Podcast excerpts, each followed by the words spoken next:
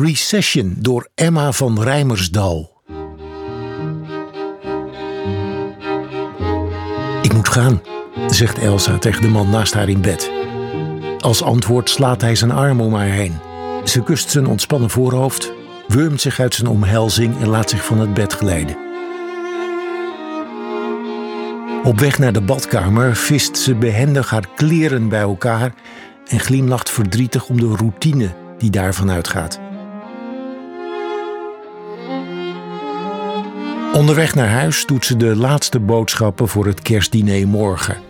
Haalt ze de jongste op bij een vriendinnetje en zucht ze amper als ze vaststaan in het verkeer terwijl ze al bijna thuis zijn.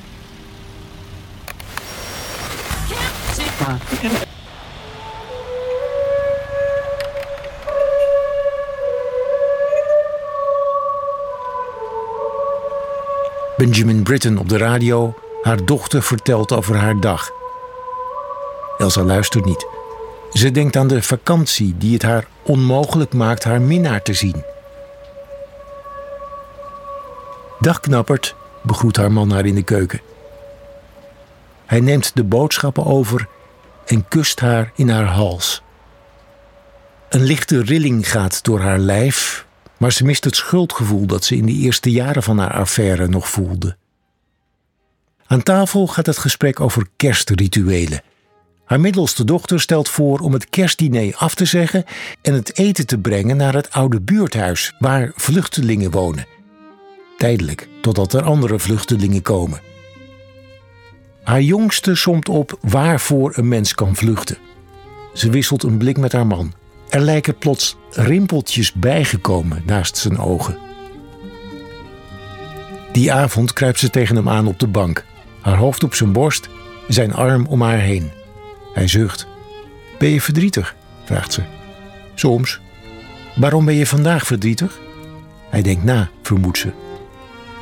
Het voelt zo zinloos, zegt hij. Alles wat we doen, geen kerstboom, die vegan hapjes morgen, de verwarming lager, de cadeautjes voor Marktplaats. Uiteindelijk helpt het niets. Op dit moment worden kalkoenen gevuld, schieten mensen elkaar dood en klagen wij over inflatie. Even is het stil in de kamer. De zwarte kat bij haar voeten rekt zich uit. Ze voelt de rustige ademhaling van de man met wie ze trouwde. Ze voelt zijn hart. Kon ze maar meer zijn zoals hij. Realistischer. Anderzijds, stel dat ik gelijk heb en we de wereld niet kunnen redden, hoort ze hem zeggen. Betekent het dan dat we het niet moeten doen? Wat niet moeten doen? Vegan hapjes? Hij lacht. Goed leven. Ze antwoordt niet. Buiten regent het, terwijl sneeuw zoveel toepasselijker was geweest.